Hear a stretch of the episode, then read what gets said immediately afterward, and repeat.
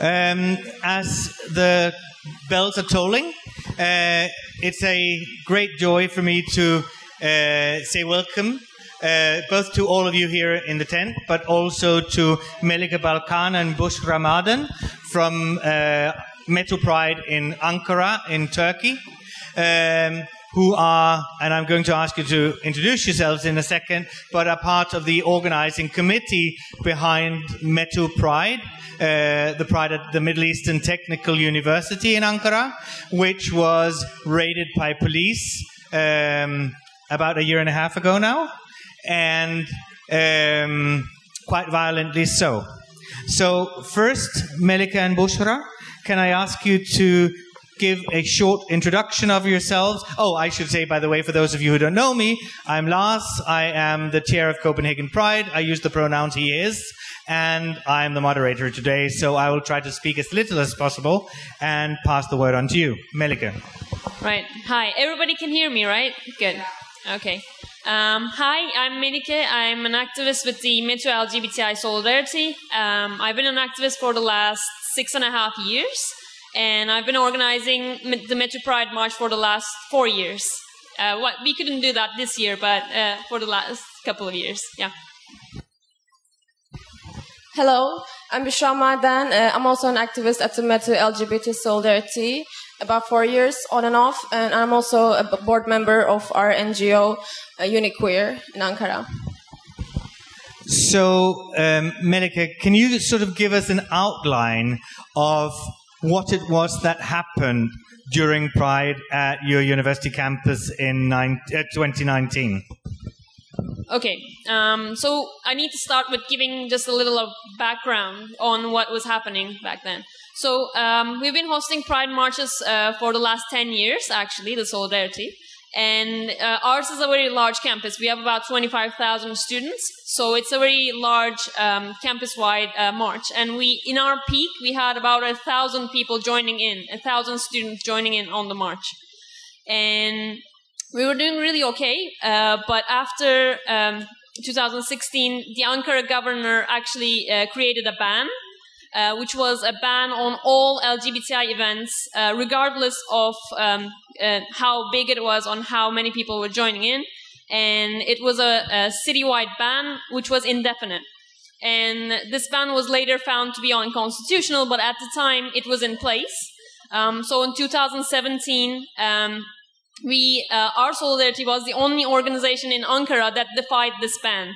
Uh, we held movie screenings that were tried to be blocked by the police. We had different kind of events that all had uh, this kind of friction between us and the administration, both the school administration and at, at the local government.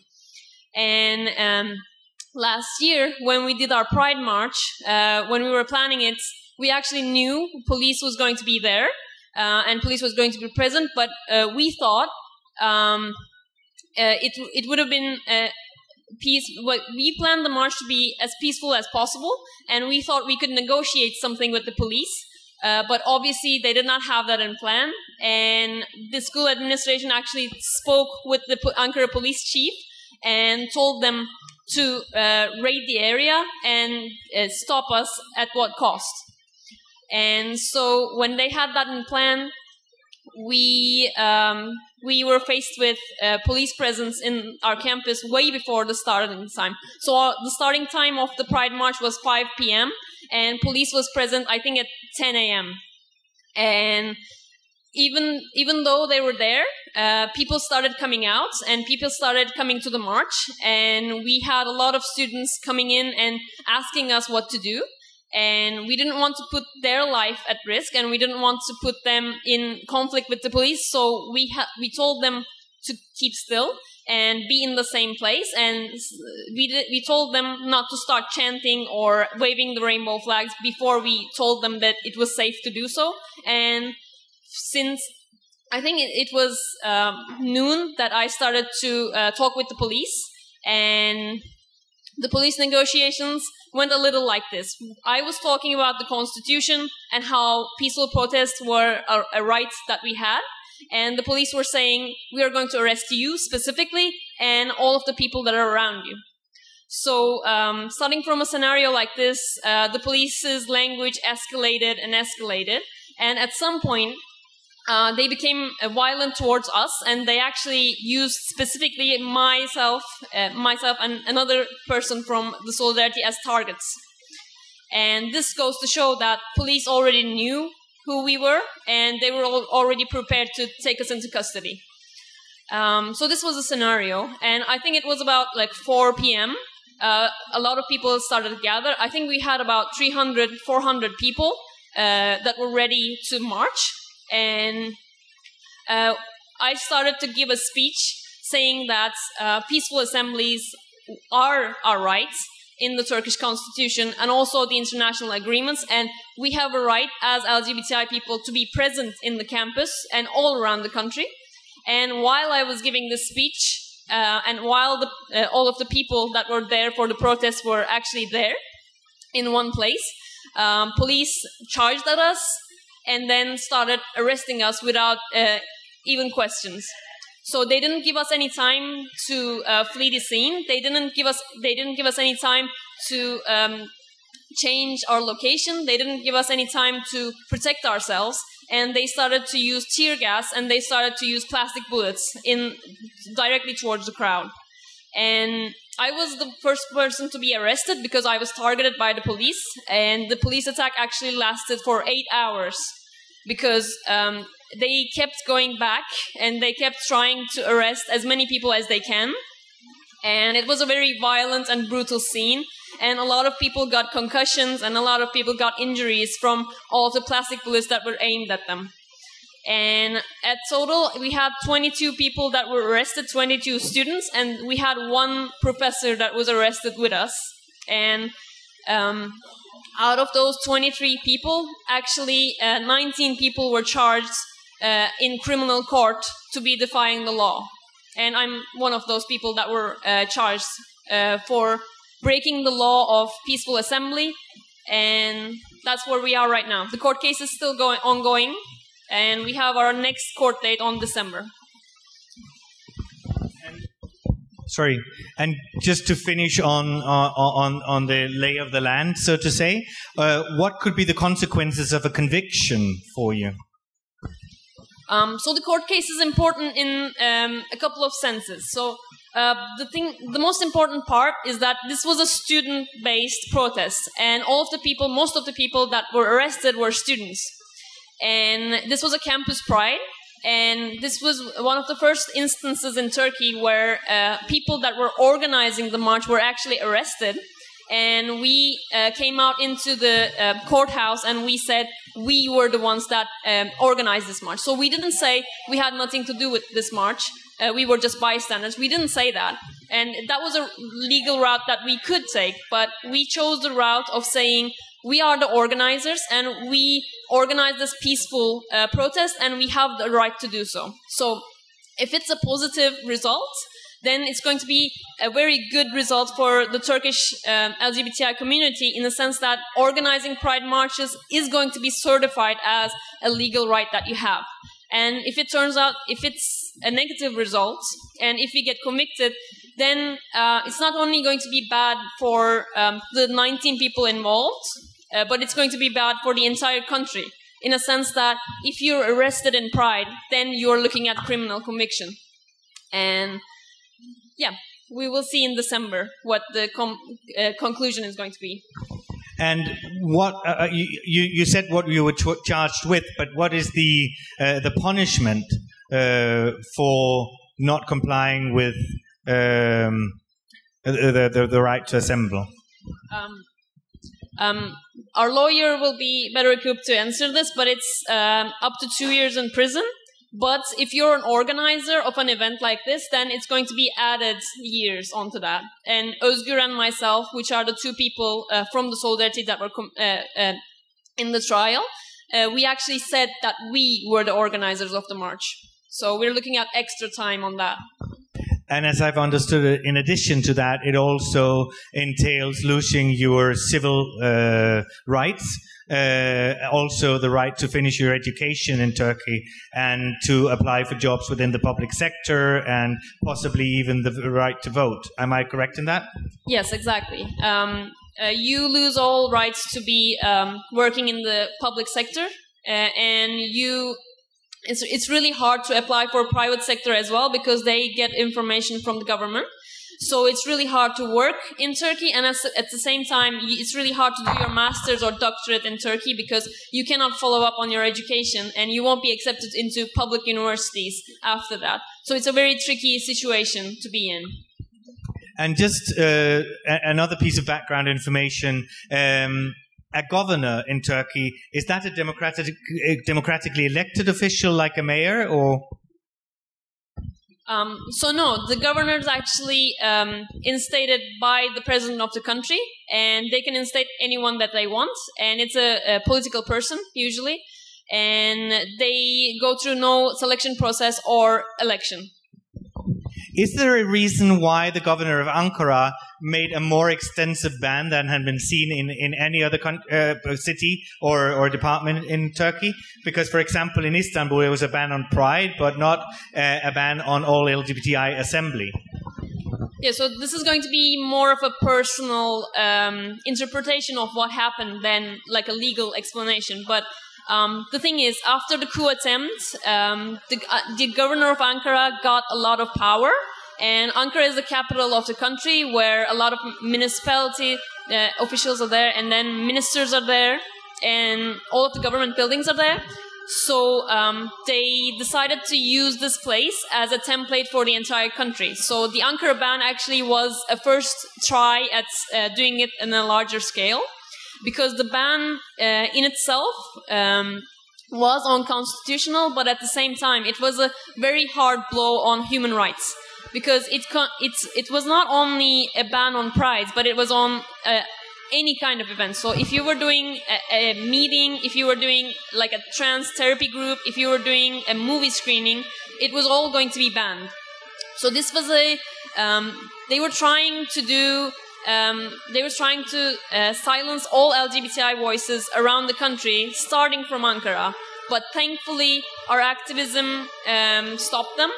And because of our activism, actually, the court case was won and uh, by the Kaos Association, and the ban was lifted by the courts. It took three years and it took a lot of effort, but after that, it was lifted. And uh, Bushra, can you try to explain to us um, the shift in attitude that we've seen in the last 10, 15 years towards the LGBTI community in Turkey. I know that Istanbul Pride has been going on successfully since 1992, and only in the last four or five years have we seen uh, bans on the Pride to march. So, what has shifted? What has changed in Turkey uh, to facilitate this change in attitudes from the government? So again, this is a kind of a personal interpretation, but um, the our president, you know, our president is kind of um, not on our side, um, and he is always. Um, he's always pushing his homophobia and other um, hates to us.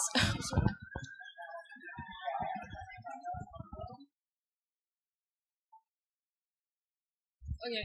Maybe I can, uh, because we've been talking about this a lot um, in the recent years. So the thing is, um, Turkey was a very um, Turkey was a very progressive country 10 years ago because we were uh, going into the Istanbul Agreement, we were going into EU accession. But after that, uh, after the EU accession process failed, um, we um, decided not to be such an, um, a progressive country, and we decided to do uh, more of our business deals with um, the East and the Middle Eastern countries that we have connections with, and uh, the governments became more and more conservative in a sense, and they started to uh, silence all of the opposing voices. Like it's not just us, it's not just the LGBTI community, but it's ethnic ethnic backgrounds, it's religious backgrounds, and things like that. So you will be oppressed even if you try to do a march on um, like global warming. So, um, if you have any kind of an opposing voice in Turkey, you are in danger of being oppressed. Um, so that's where we are right now, and it's they're cracking down more and more, and especially with LGBTI people, um, they're targeting us every single week, and different ministers are coming out and saying uh, being LGBT is a perversion. So um, things are getting worse in a sense, and things have been getting worse for the last five years. I just want to, before I ask them my next question, to remind you all that you are able to ask questions as well. You just uh, stick a hand in the air, and then the microphone will be passed around. Um, I see, as somebody who's been quite a lot in Turkey in, in recent years, and have come to Turkey since the beginning of the 1990s quite regularly, I also see a shift in attitude towards religious issues per se that religion becomes a bigger and bigger part in in in uh, in Turkish society. I remember five years ago suddenly hearing uh, calls for prayer from the minarets around Hagia Sophia, and I thought, oh, that's a very big change. What will be next? And the next thing uh, was now that Hagia Sophia is again consecrated as a mosque. So is coming from a very secular, uh, democratic self-perception as as a country going into a more religious one uh, how does this serve the, the, the, current government you would think that there was great opposition uh, from the liberal progressive turkey to religion suddenly taking over again how, how do they gain momentum on this agenda Oh well, you need to ask a political major for that. But my personal um, views is that um, the thing is, uh, power has been shifting for the last couple of years in Turkey, and right now uh, the political right is very, very strong. Um, and not because they have a lot of people, and not because they have the votes. It's because they have um, a very strong voice in the parliament and in the, the government. And when you look at the people, actually, people in Turkey don't use religion as a discriminatory tool. And people have been um, religious way back when. And since I was a child, I know people have been religious and people have been really in con- connection with their cultural heritage. But um, it, it's in, it's only in the last ten years that people have been weaponizing religion and weaponizing Islam, and it's only their interpretation of uh, what it should mean and what it should do. And when you look at it, in ten years ago, um, ne- people never talked about uh, like women's issues in a negative way and women's issues in a in a weaponizing way. And nobody said islam uh, goes um, against feminism. But right now they're saying that. And that's the point. That's the thing. That's what they're using. They're using religion as a weapon against all of the minorities and all of the opposing voices. So that's what is happening in turkey. And it's not uh, inherently about religion or the culture it's about the people that are using them and when you look at the uh, general public, actually, uh, 60 70% of the general public support feminist views and have feminist views. And uh, like a lot of people um, support LGBTI people, uh, LGBTI rights and inclusion. And so um, it's really the divide between the politics and the people that is uh, causing this friction. So all the, all of the things that you see, all of the political things that are happening in Turkey, all of the news that you read is actually not reflective of the society, but of the politics. So you need to um, you need to be really in tap with the community, uh, and you really listen to the community uh, about what is happening to know what is happening in the in the country. Like most of you probably know about Istanbul Pride and how it's been attacked, and our Pride right now and how it's been attacked. But you don't know about all the small marches that are going on in very very small cities with five six people, or you don't know about um, like how people gather for uh, like we, we have an organization called queer olympics where they do sporting events for queer people and they they they've been doing that for the last three years and they're doing it right now as an online event. So we have all of these beautiful different things that are happening in, in the country but the only things that filter out and go to the uh, internet and then to the news is the really really horrible things of oppression of uh, like religious extremism and then like violence. And it's it's such a beautiful and great community that we have but all of the things that are left is just this huge story of oppression. So what i would suggest that you would do is just get into contact with uh, local LGBTI organizations. We have a lot of organizations that speak English and that can transfer information to you and have regular uh, English news pages. So then you can read about the community, read about what is happening, not just the really horrible things. And just adding to that, there, when you say that uh, what is emanating from the media, the, the, media is government controlled, and we've seen a crackdown also uh, in the last four years on uh, progressive, liberal, uh, independent media in Turkey, so that the government uh, right now controls what is uh, read or seen, and even to the uh, to the extent where social media is also being infringed upon. Uh, but in the because I don't want this to. Uh, we are painting a pretty grim picture here, but I, I think I, want, I would like to latch on to uh, that note of hope that was in the last uh, thing that you said, and go back to the last local elections in Turkey, where practically all the major cities were won by mayors from uh, the opposition parties. Um, so, is there, I mean, despite the government controlling the media and the narrative and being able to spread all their Hello. hatred um, without being contradicted, Hello. is there a hope for not only for the LGBTI plus community, but also for Turkey to maintain the secular democ- democracy that has lasted now for 97 years? So my answer is going to be yes and no. Um, yes, because obviously the people are so vibrant and so open and so uh, ready for integration of different cultures and different people. Um, but the thing is, um, it's not going to be happening without a, a fight and a, without a struggle. So uh, there are a lot of activists around the country that are trying to make this change happen. And like the, the recent elections is a really good example because the government actually did not like the results of the Istanbul election because they lost one of the biggest, like the largest city in the country, which had 25 million people. So it's a huge city. And so when they lost the election, they had the election remade and it was done again. And the opposing party actually won with a landslide. So the thing is, so if you organize, if you get people involved, if you use social media, and if you get people to care about your cause, then it's going to work out. But if you don't, if you just let it be, and if you just um, assume that everything is going to be okay, it's not going to work. So it's really important that you support local activists in doing what they do best, uh, because we have a community of people that believe in this change and believe that Turkey is a secular country and Turkey is going to be a huge beacon of hope in the next couple of years. But we need to make that happen and we need support for that. And international support goes a, a very long way for that because we cannot do that alone. And like right now, there's a law uh, being discussed in our parliament that is on banning the entire social media network.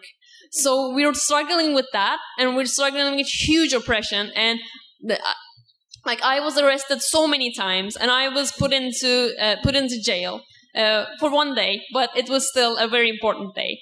Um, so the, I come from a background like this, but I'm still fighting, and I'm not the only one. There are so many people that are that ha- have it way worse than I do, and still continue to fight. So we need support, and with the right support and with the right network, we are going to be able to succeed. And the Ankara ban was lifted can you imagine um, in a, in an area where um, Erdogan is this in its strongest, and the AKP government and the conservatives are super super strong, and they have the votes, and they have the parliament, and they have the presidency. They lost a court case saying that the court actually said this is against human rights and lgbti people have the freedom of expression and have the freedom of freedom of assembly so uh, when we win a court case like this, it is huge. And it is only through the efforts of activists that we are able to do that. So um, that's where we are. And when you say that you need our support, um, I mean, one thing is organizing an event like this. Uh, another thing is, as you said, go to our website and read about the uh, the the situation and, and, and make sure that you're informed. Uh, but what would be of more consequence for you uh, that we as an international community outside of Turkey did to support? Well, um, you can write to your embassies because embassies, especially in Turkey, do a lot of work and they support us in many other ways. Um, they come to our trials to do trial monitoring, so do, to make sure the trial is fair. Um, they support us in other ways. They come to our demonstrations and things like that. So embassies are a really important tool that you can actually tap into. Um, one other thing is raising awareness. So international attention goes a long way when you're organizing a protest because if there is no international attention to a protest, police are going to be more violent. That's a fact. But if there is international attention, if there is international media present, if there is celebrities present, they're not going to be as violent. They're not going to be attacking you with plastic bullets to the head. So um, we need your support in raising this international attention to that. And even just one tweet or just one post is going to be doing a lot of favor to us. And actually, uh, last year there was this huge social media campaign uh, that was for the trial and it was really really helpful because we saw that the that the court case uh, shifted uh, in perspective and we saw that international attention really really helped and i think um, the reason that we won the administrative court case is because of the all of the international attention that is happening so uh, if you want us to succeed, then we need some awareness. And for you to um, for you to be aware, you need to be in contact with us or just following us on what we're doing because local activists cannot do this alone. So we need your support. Um, I, I was present at the the, the first uh, meeting of the court in, back in November, and uh, it was a very long meeting and a lot of uh, uh talking and shouting back and forth. And at one point, I think we all had a sense that this was going to be thrown out of court, and then it wasn't, and then it has been postponed and postponed again and again. Um, is that because the government is trying to divert attention from it in order to be able to convict? Or is it because they think that they're in a bit of a tight spot and want people to look the other way when they actually uh, drop the charges? Or what is your sense that will, if you have a sense of it, uh, that this is going to end up in?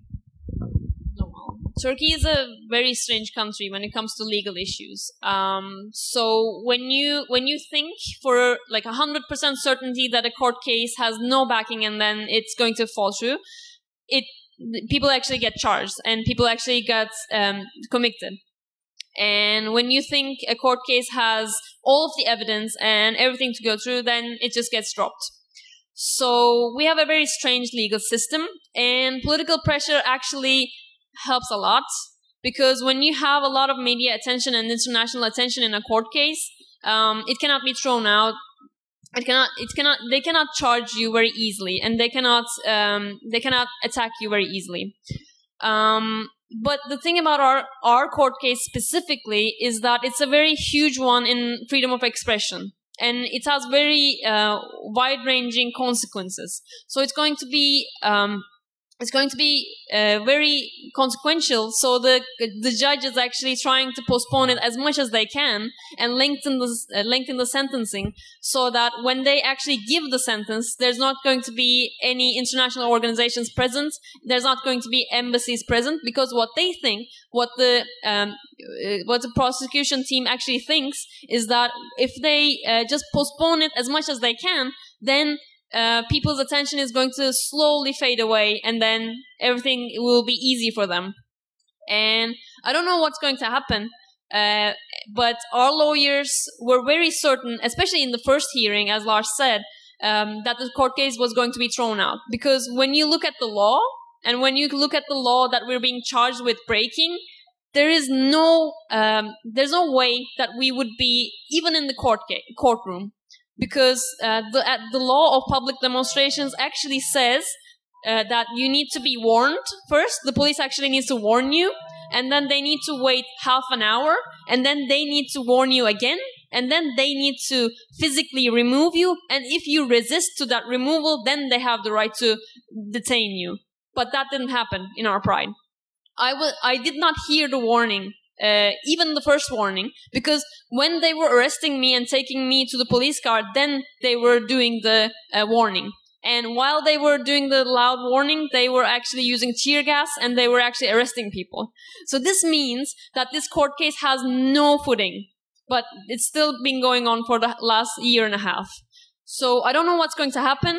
And legally, I hope that um, the court case uh, falls through and I hope that we don't get convicted because um, in the Turkish constitution, it, this court case has no backing. But I don't know what's going to happen, and international attention really, really helps. So this is a call for all of us, all of us to keep showing up. Um, and yes, uh, uh, now we've talked a little bit or a lot about the, the legal consequences of this, but I I, I, I, think we can't look away from the personal consequences as well. Um, there are 17, 19 people, students and staff uh, charged now. The, the, the case has been running for over 18 months. Um, you must be living under a lot of pressure.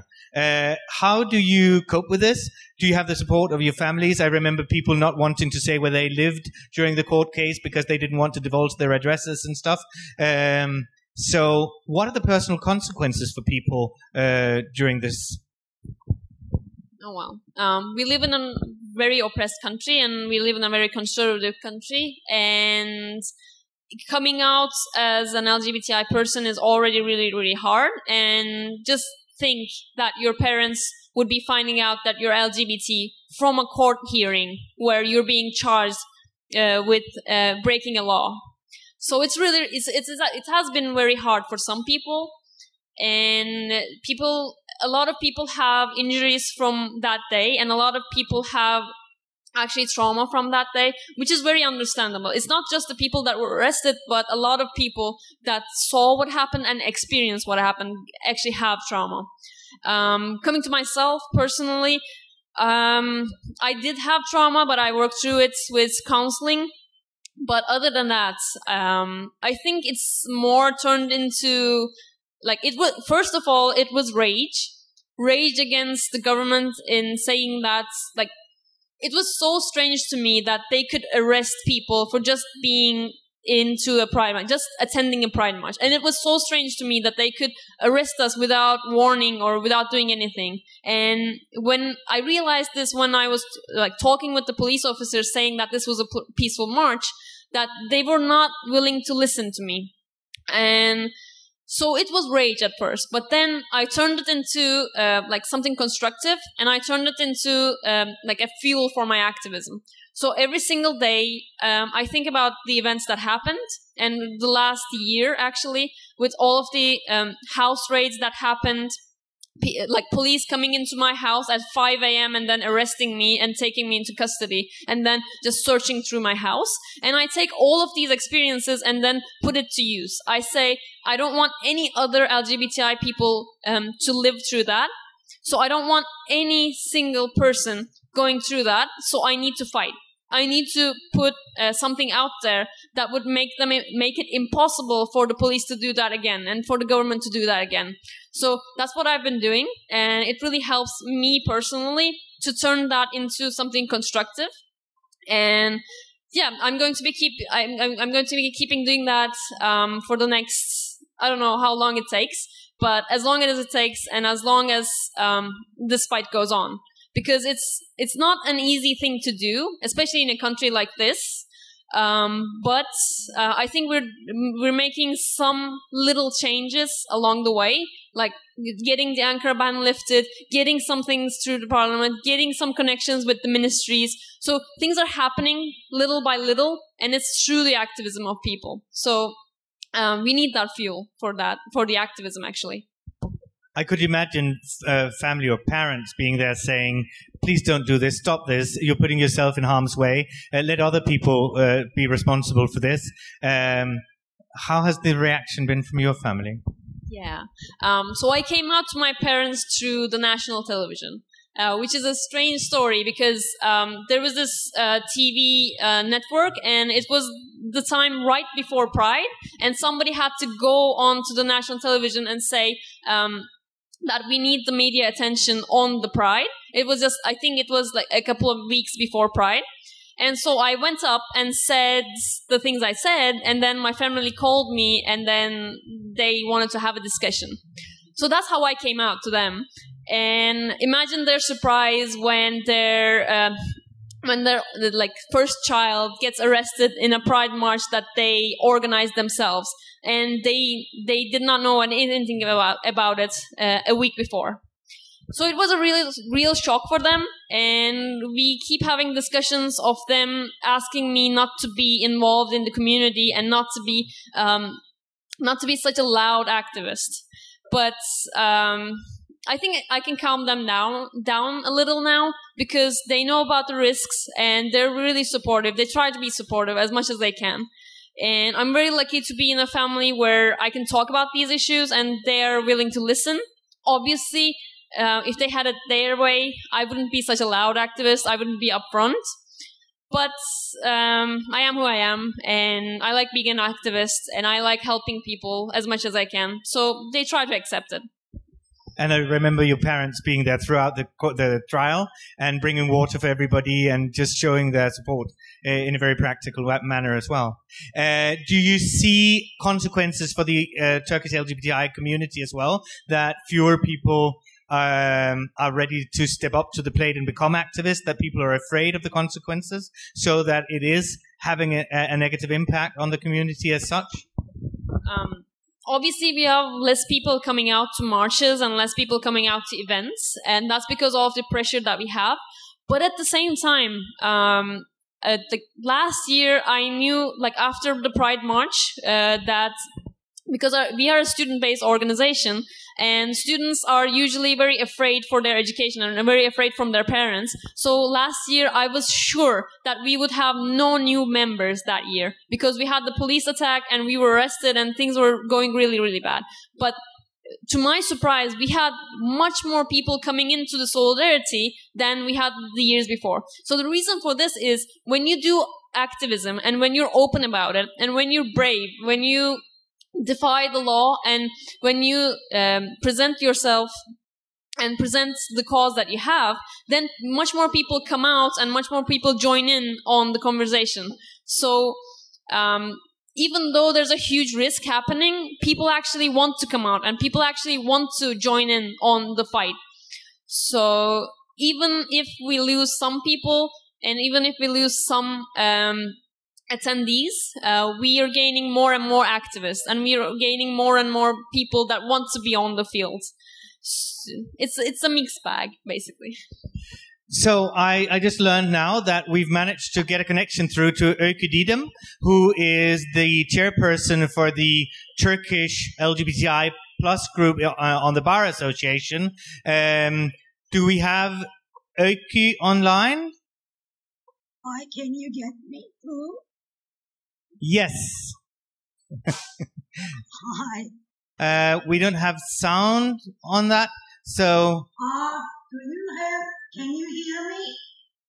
Yes, we can hear you. Now the sound is going through. I've been all around with you for the last 40 minutes. Yes, I had not been told until two, literally 10 seconds ago. I'm sorry for that. I know, because I had to contact the, um, uh, kind person at the organization, I realized that you were not aware of my presence. But we're very happy that you're here. Um, and I, in the last 14 minutes, perhaps you've been able to listen in on the conversation that we've had? Yes, actually, I had been listening to the conversation. Yes.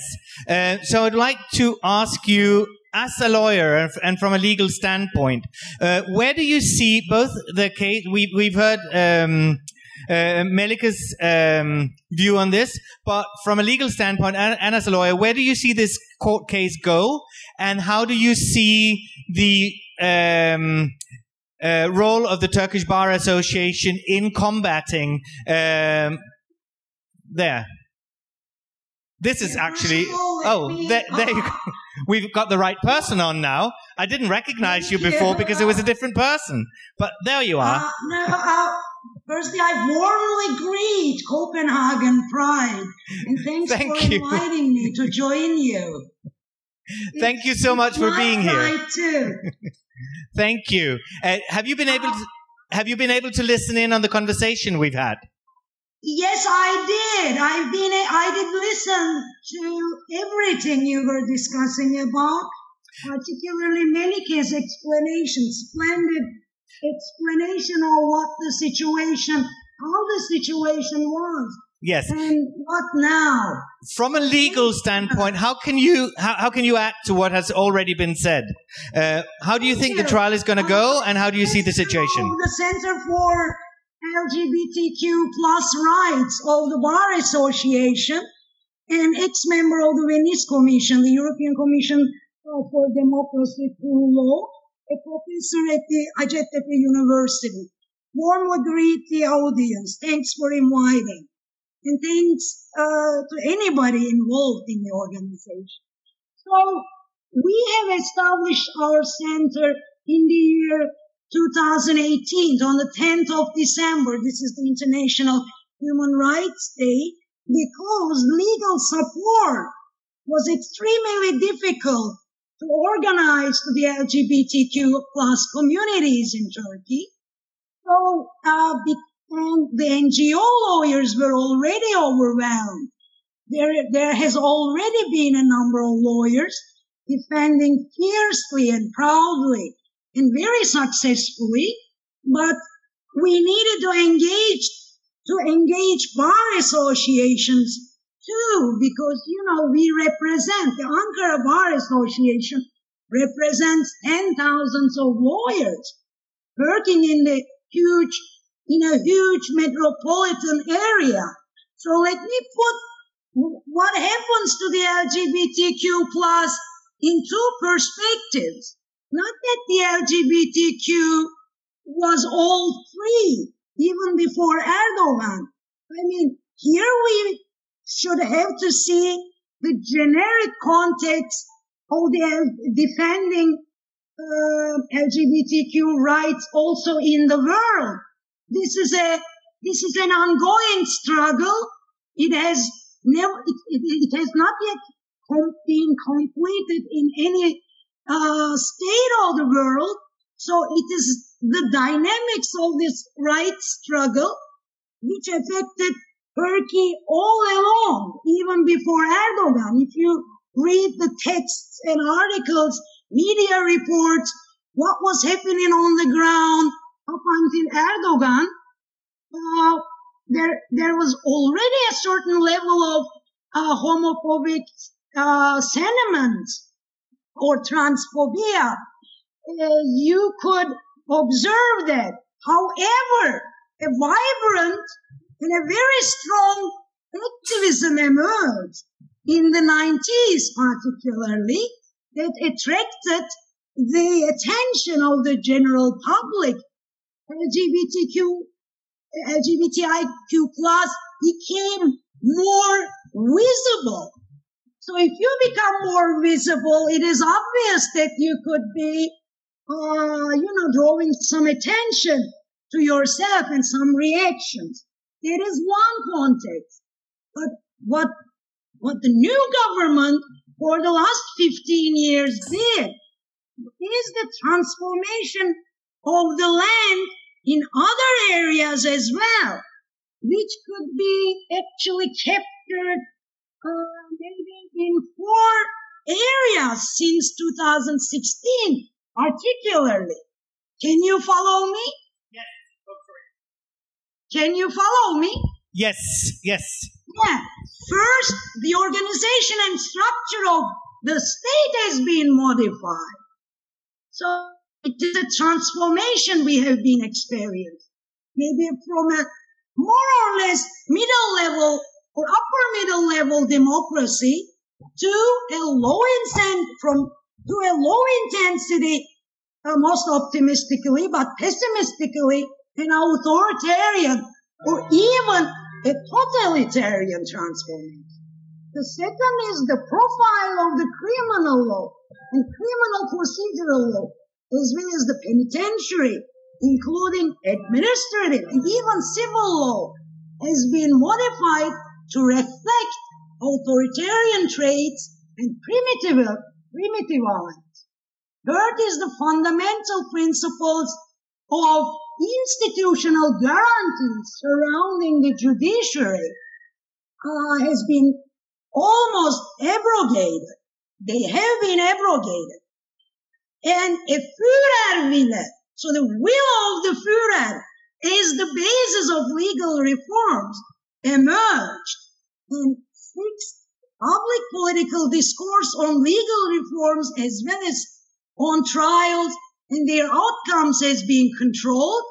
And seventh, this is the most important one for our purposes, the social ideological as well as a cultural program has been implemented and they are still being implemented and reflected itself in the will of changing the, uh, let's say, uh, alliances of the state, whether to west or to the east, uh, whether to, uh, to the laws and international obligations or uh, to what we might capture under the term a political morality, a political ideology of the regime.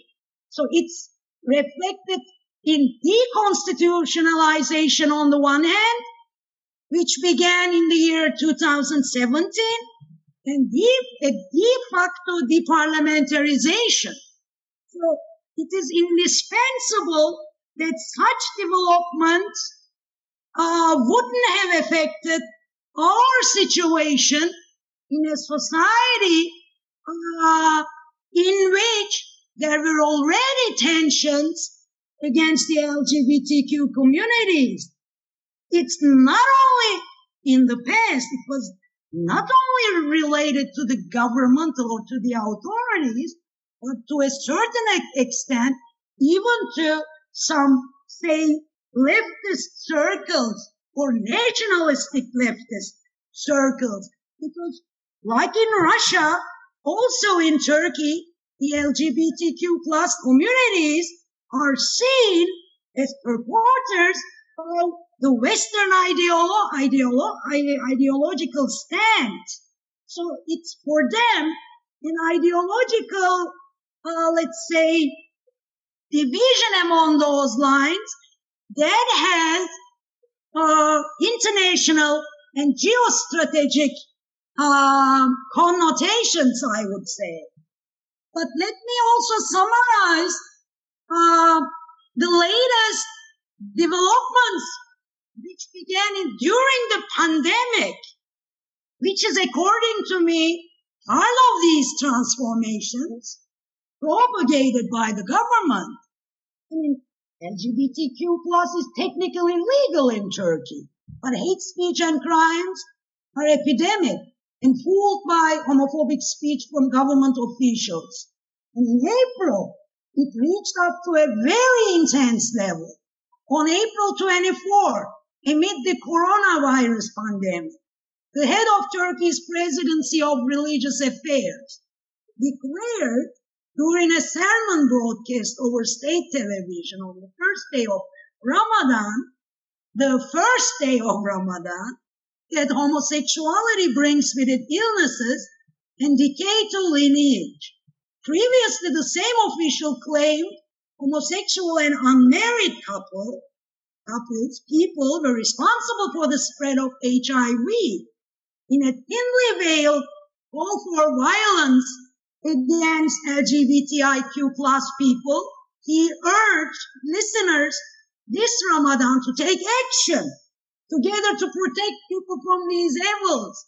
And actions people took were all over the places. In Twitter lynch campaigns, also on the ground, in the violence you had to observe in the street. And later than that, the president and interior minister joined the rhetoric of the religious authority, describing homosexual as perverts in statements that made headli- headlines in Turkey, made calls to the public to come out against those who play, who display any kind of perversion forbidden by God.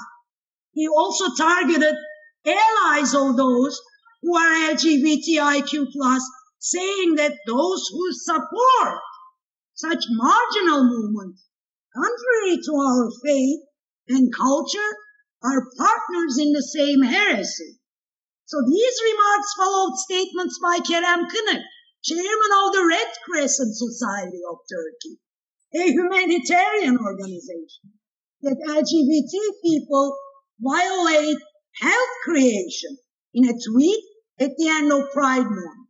When humanitarian organizations, including Red Cross and Red Crescent societies, condemned these despicable remarks, Turkish lawmakers, religious leaders, and the president rallied to his defense. So, indeed, we are now in such a climate in which even the Istanbul Convention protecting both women and the LGBTQI plus communities against violence uh, is debated and in the direction whether the government is going to leave that convention altogether. What did we do since April as the Bar Association? Actually, we had already a Center for LGBTQ plus rights, uh, which of course encouraged uh, our colleagues who were not directly involved in protecting or defending LGBT rights to be part of the discussion and be raised much awareness in that direction. Given that there was already the first center of the country at the Bar Association, our uh, board, in a written statement, in a more or less also fears the way the religious authority fears, reacted against the religious authorities' statement. And uh, since it used, they claim, a language targeting Islam, uh, all of these triggered actions followed the debate or the fight, let's put it that way, between the religious authority and my own bar association. My bar association has already gained since our very foundation, I mean of the Center Mhm. for LGBTQ rights, already developed a certain awareness and resolution to answer in each and every occasion and took the opportunity to press release numerous uh, statements since 2018 on the LGBT. Thank you for this very thorough um, uh, run through. We just have one question from the from the room. my last sentence, Ah, maybe. before okay, sorry. This led to to the proposal to the proposal of a new draft law creating multiple bar associations and weakening the position of the bars to defend uh, human rights in general, if not clearly the LGBTQ rights too, because we provide free support, voluntary support to uh, human rights communities uh, and individuals, to the individuals whose human rights were infringed upon. Uh, so uh, that law is Yes. now, or draft law is now law.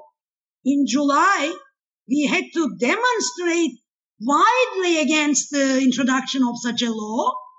Yes. But it became Can, can I interrupt you for a second and just bring in one sp- Yeah. question from the room? Yeah. Uh, we've got one at the back here. Uh, yes, firstly, I'd like to thank the two uh, women on the panel. Thank you so much for being here. I think you are strong and brave and beautiful. Well done. Thank you. Um, I met you earlier very briefly.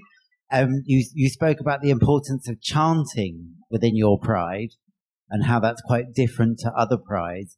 And I was just wondering if you could maybe teach us very briefly a quick chant and how we can support and maybe the room can get behind that. So, were Yeah, you actually- placed by Bushra specifically? yeah. Okay. And this means that everybody has to join in now, okay? that just to give a little background because like i know a lot of people in prides here don't do chants uh, but it's a very important tool for us to express what we want and what we need. And so there's this one chant that we use which which really, really doesn't mean a lot uh, it, when you put it into words. But uh, it has been a chant that has been used for the last 10 years maybe more. And especially in our pride I was doing that when I was being arrested, and a lot of people did that, and it's a very um, responsive uh, chant as well. So this you. specific chant uh, just goes back and forth with the with one person chanting first and then the other uh, people in the group uh, say something back and it's really really simple and it has a really stupid story actually okay so it's there are two. There are two stories. Uh, First one is that um, that there was this song that happened, and then people got inspiration, but that's wrong. So the story is uh, there was this huge Pride march in Turkey, and then somebody got lost, and they were actually looking for their partner, and so they chanted, "Where are you, my love?" And they actually shouted out, and then the crowd, and the entire crowd responded, "We We're are here, here, my my love." love." so that's the story. one of my favorites chants. Um, so it's it's it's not only um, it's not only uh, showing it's it's not only just a stupid chant, but just a show of solidarity of all the people there, and then just a show of the love that is happening there, and then all the acceptance and just this queer presence there. And so maybe we can do that. Bushra will teach you now. it's so I said it's really simple. Do you want to do this chant with us, by the way? Okay, so but you have to shout because I, I will be shouting, and as you saw before, I'm I'm a really anxious person. okay, I'm gonna say um, buradayım aşkım. Şey, pardon, neredesin aşkım? And then you're gonna say buradayım aşkım. Okay, practice session. Okay, I'm gonna say neredesin aşkım? And then you're gonna say buradayım aşkım. Buradayım aşkım. Buradayım aşkım. Evet. Yeah. And you and we're gonna get louder and louder and louder. And then we're gonna say I, I, I, I, I. And then it ends. Okay? Are you ready? Neredesin aşkım? Neredesin aşkım? Neredesin aşkım? Neredesin aşkım? Ay, ay, ay, ay, ay, ay, ay, ay, ay.